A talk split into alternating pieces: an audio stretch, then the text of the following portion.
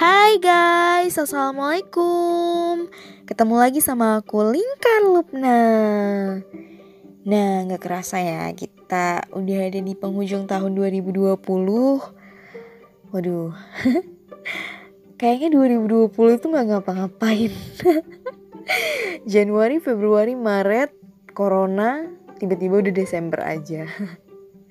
Gak ngerti aku ngomongnya gimana karena aku pribadi ngerasain banget efeknya secara kan um, profesi aku yang guru itu harus melalui kegiatan belajar mengajar via daring online.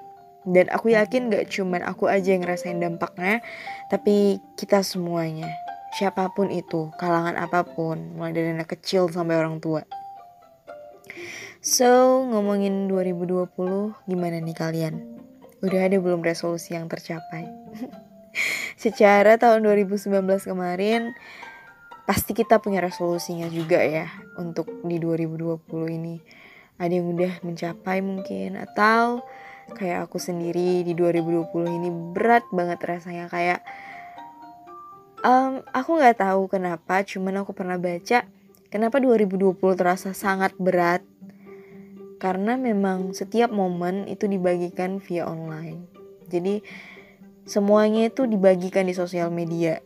Mau senang, sedih, dan kebanyakan itu sedih karena ya kita tahu sendiri pandemi memang efeknya itu luar biasa buat semua kalangan gitu ya kan.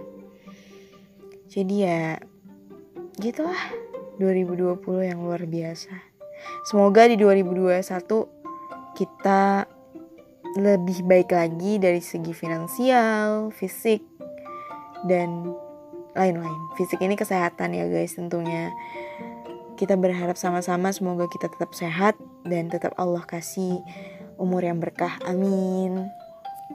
Di penghujung tahun ini, aku pengen banget bahas soal pendidikan perempuan.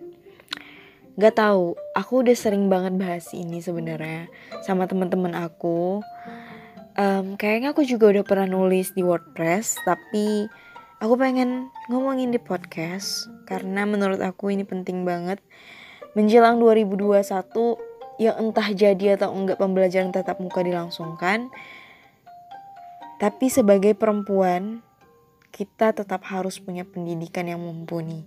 Why? Karena kita lihat aja kan. Hmm, kalau biasanya sebelum pandemi itu orang tua benar-benar menyerahkan anaknya sepenuhnya. Mungkin ada juga yang turut ikut campur, tapi hanya beberapa persen aja. Lebih banyak itu orang tua yang seutuhnya menyerahkan anak kepada pihak sekolah. Nih anakku, ajarin sampai dia pintar. Tapi ketika si anak ini pintar, dia sebagai orang tua tentunya ikut bangga gitu. Jadi sebenarnya aku pribadi agak bingung sama orang tua yang kayak gini.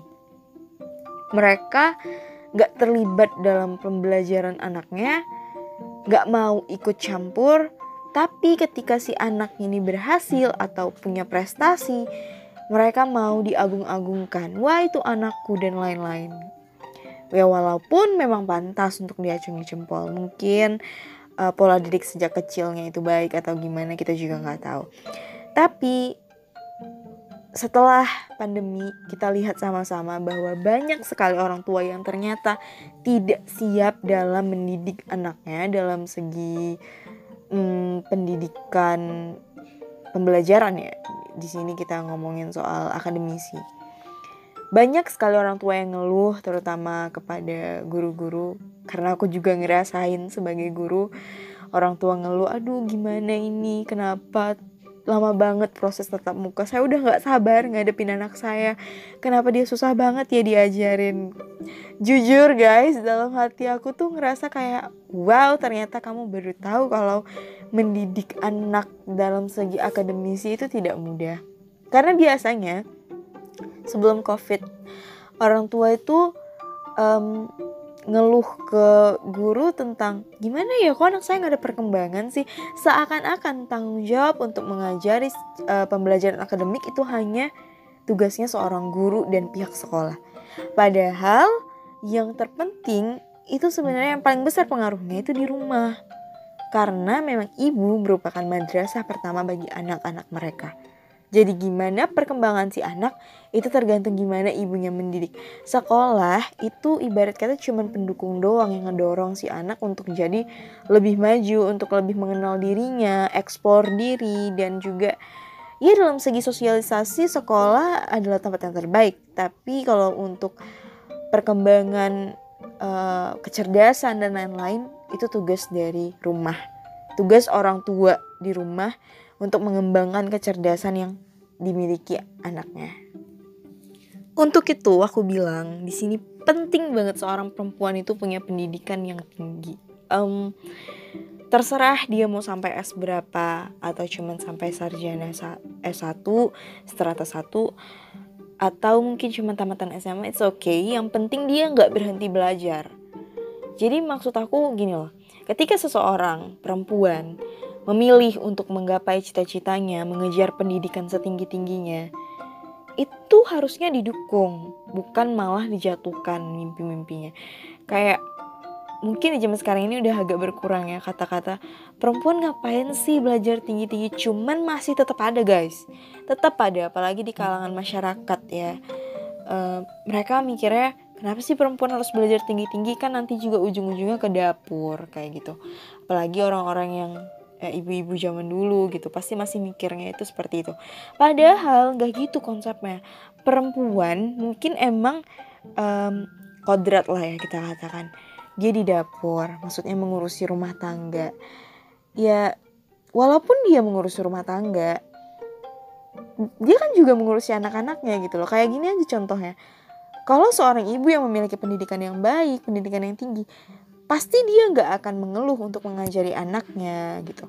Dia pasti akan sabar. Di sini pendidikan yang dimiliki seorang perempuan itu bukan cuma pendidikan sebatas akademisi aja ya tapi juga moral dan ya dalam segi karakter. Karena memang yang paling penting bagi anak-anak itu bukan pendidikan akademiknya tapi pendidikan karakternya. Apalagi usia-usia sebelum remaja ya pra remaja gitu. Kalau remaja dia udah akan mateng nih. Kalau dari kecil udah diajari secara karakter sama ibunya.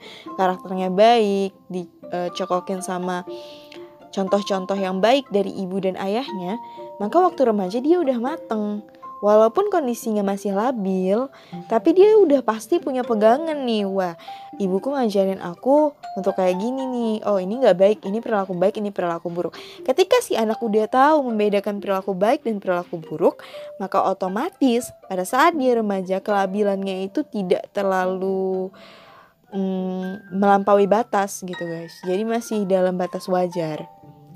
Karena yang kita lihat perbedaannya kalau dari segi ah, bukan aku membanggakan sekolahku enggak. Cuman terlihat sekali perbedaan dari anak-anak yang sekolah di sekolah alam. Sekolah alam itu aku mengajar di sekolah alam semangat bangsa. Dan juga anak-anak yang um, di sekolah biasa yang fokus pendidikan sekolahnya itu bukan karakter. Jadi ya perbedaannya jomplang sekali. Kalau di sekolah alam anak-anaknya itu dibiasakan menggunakan kata saya saya, kamu, teman, um, tidak diperkenankan mengucapkan kata-kata bodoh atau kata-kata bully yang lainnya. Dan di sekolah alam juga um, sekolahnya inklusi atau gabung dengan anak ABK. Jadi di situ benar-benar berbaur antara anak-anaknya normal dan juga ABK atau anak berkebutuhan khusus. Dan di situ tidak ada pembulian sama sekali, guys. Jadi benar-benar anaknya saling mengayomi, menyayangi. Bahkan antara anaknya normal itu benar-benar menyayangi anak yang ABK ini tadi gitu.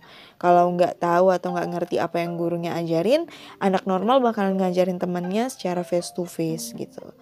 Dan itu adem banget kelihatannya. Pada saat mereka masuk SMP, mereka lebih mateng. Mereka cerita ke aku, mereka sharing tentang gimana pendidikan mereka di sekolah, gimana teman-teman mereka dan sangat jauh berbeda dengan teman-temannya waktu di sekolah alam. Karena kan waktu SMP mereka udah di sekolah normal biasa kayak negeri atau swasta yang biasa aja, bukan sekolah alam yang fokus pendidikannya kepada karakter gitu. So di situ aku ngerasa bahwa ya memang pendidikan karakter itu penting sekali buat anak. Dan di sinilah peran ibu. Ibu itu harus cerdas, harus memiliki uh, pendidikan yang tinggi. Kenapa? Karena ketika dia memiliki pendidikan yang tinggi, dia bisa berpikir lebih lebih apa ya istilah katanya? lebih high lah gitu ya kan. Jadi dia bisa mencari ilmu yang banyak juga terutama tentang karakter, parenting dan lain-lain jadi dia gak bakalan kaget lagi ketika memang tugasnya mengajar anak ya dia fokus di situ. Mungkin kalau dia punya karir di luar dari rumah tangga it's okay dia tetap berkarir tapi dia nggak akan meninggalkan tugas pokoknya sebagai orang tua. Yang fokusnya itu adalah mendidik anak-anaknya. Mendidik untuk menjadikan anaknya itu lebih baik lagi dan lagi gitu. Apalagi perkembangan anaknya ini kan cepet banget ya dari usia sekian sampai sekian itu dia harusnya bisa ini. Usia sekian sampai sekian uh, tugas perkembangannya ini. Dan itu tugas orang tua untuk memantau perkembangan anaknya. Dan ya sampai mana si anak ini mampu gitu. Jadi untuk orang-orang yang masih mikir kalau perempuan itu nggak perlu pendidikan tinggi itu adalah kesalahan besar menurut aku. Karena walaupun dia kembali ke dapur sumur kasur tetap aja dapur sumur kasur perempuan yang punya pendidikan yang baik dengan perempuan yang tidak berpendidikan itu sangat jauh berbeda. Mungkin perempuan yang tidak berpendidikan akan seadanya aja ngurus dapur kasur sumur. Tapi kalau perempuan yang punya pendidikan yang baik, dia pasti akan ngeteng ngurusin seluruh urusan rumah tangganya gitu guys. Wow, udah 11 menit lebih, udah hampir 12 menit gak kerasa aku bacotnya. Makasih ya udah dengerin bacot aku hari ini. Um, kritik sarannya aku mohon diselipin. Kalau yang punya nomor WhatsApp aku silahkan di WhatsApp. Kalau yang nggak punya boleh di Instagram Lingkar Lupna atau at Eva Purnama 10. Oke okay, guys? Sampai ketemu lagi di 2021. Semoga kita tetap dikasih kesehatan sama Allah Subhanahu wa taala. Amin. See you. Bye. Assalamualaikum.